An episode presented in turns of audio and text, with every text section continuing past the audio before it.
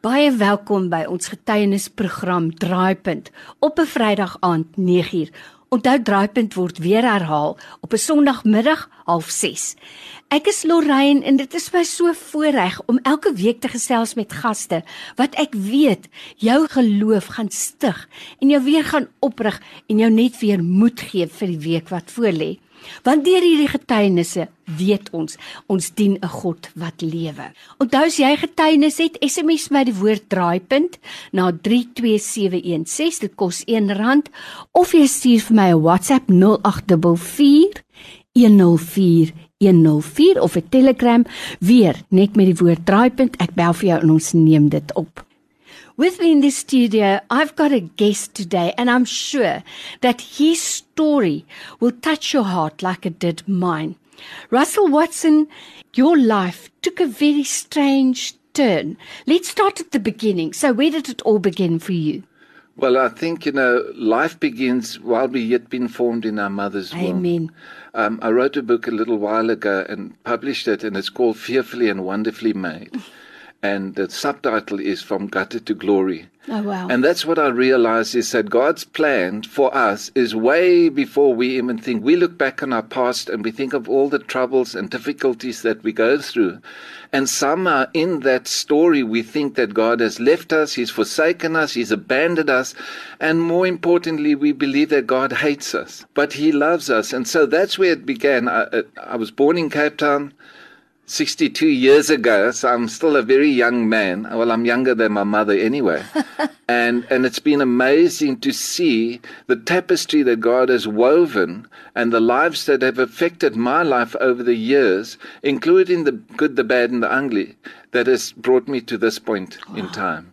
So, Douglas, growing up in Cape Town, and you mentioned before we started this interview that your life took a very dark turn from an early age. You know, I'm surprised to think that many years ago it was easy to get drugs. So tell me, how did it start for you?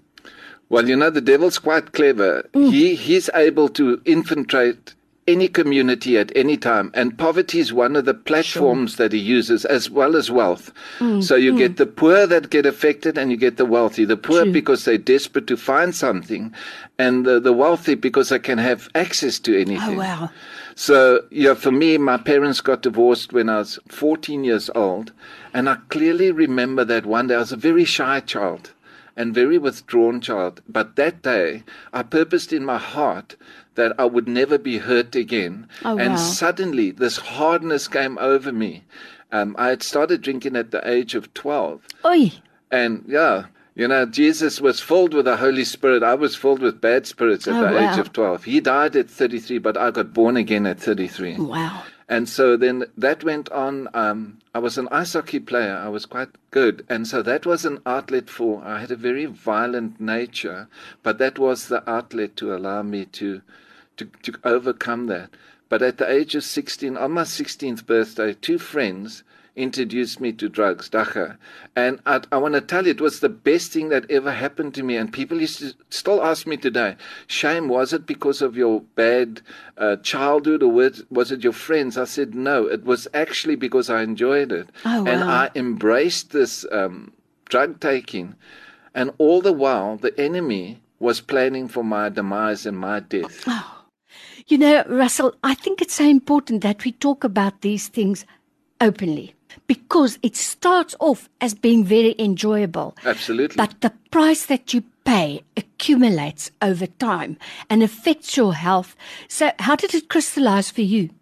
Well, you used the word crystallize, so I'm going to tell you. So straight away, when people, I, I minister to drug addicts all the time, and when they start this thing about, you know, but my parents and but my mother, I say to them, just be honest. You did it. Nobody forced you. You did it because you True. liked it. Uh, you mentioned the word crystallize. So in 1981, my lungs had actually crystallized from using buttons, or uh, as it's more commonly known, but it's actually Mandrax. And uh, I was told by the doctors that I wouldn't live because I was Wow. I dropped down to 70 kilos. I'm 18727, which is quite tall. So to say I was thin, yeah. You must have been emaciated for your length, 70 kilos. It was ridiculous. I had a size 28 waist. Oh, wow. And and again, you know, you look at size 28, it's tiny.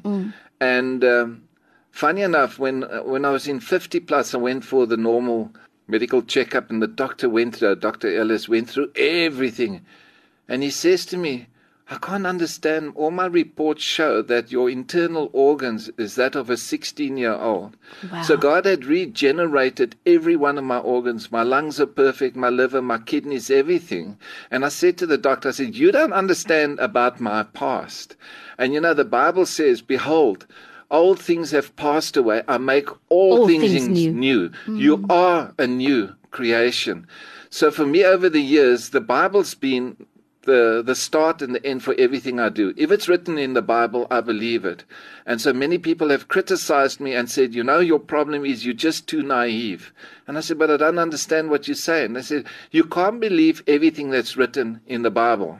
So I want to change it. I want to tell the listeners there, everything that's written in the Bible is the absolute truth. And if you walk in that absolute truth, whether the person's sick, dying, diseased, broken, it doesn't matter. If you take the truth of the Bible and you speak into that person's life on the truth, they will be free. My guest today is Russell Watson, and we're talking about being regenerated, being made new. So, where did the turning point come for you? Well, um, yeah, everything had kind of degenerated. My business failed. My wife had spinal surgery. Um, the banks came and took the house Oh, away. wow. They took my car away, cut electricity, cut the water. The dog bit the neighbor on their Oh, my word. You, and you know, just when you think, well, I've reached rock bottom, nothing more can go wrong. My wife filed for divorce. Oh, wow. And so it was- it was a Wednesday evening, and I was alone in the dark, sitting in the house. And I ran outside, and I found a gentleman walking past. I asked him for some matches. I lit a candle.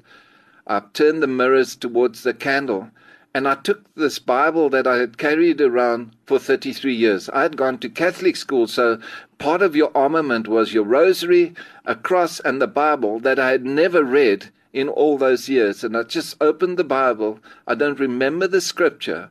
And I said to God, if you are real, show me who you are. Oh, wow. And then that Sunday morning, I got invited to this picnic.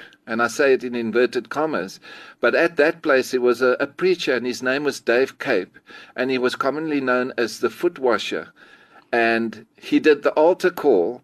I ran up and then I ran away, but he called me back. And from that day, literally a week later, I went to the street and I started to preach the gospel with no knowledge of the Bible, no knowledge of how to truly pray. The only thing I knew is that people were going to hell as I was, and I wanted to do as much as I could to take as many with me to heaven. Oh, amen. Russell, and I know today you have a very special ministry of foot washing. Tell us about your ministry now, today. So people often ask me, what's your calling or what's your leaning? And I tell them, actually, my calling is Son of God. Amen. So I've preached in Pakistan and then I was called an evangelist. In five days, 12,625 people got saved in a Muslim oh. country. When I preached in Turkey, then they said to me, You're more apostolic because God used me in an area of bringing churches together. Mm-hmm. I got to India and then you were called a prophet. And I keep saying to people, Don't label me. Now they're calling me a missionary because I am in Thailand.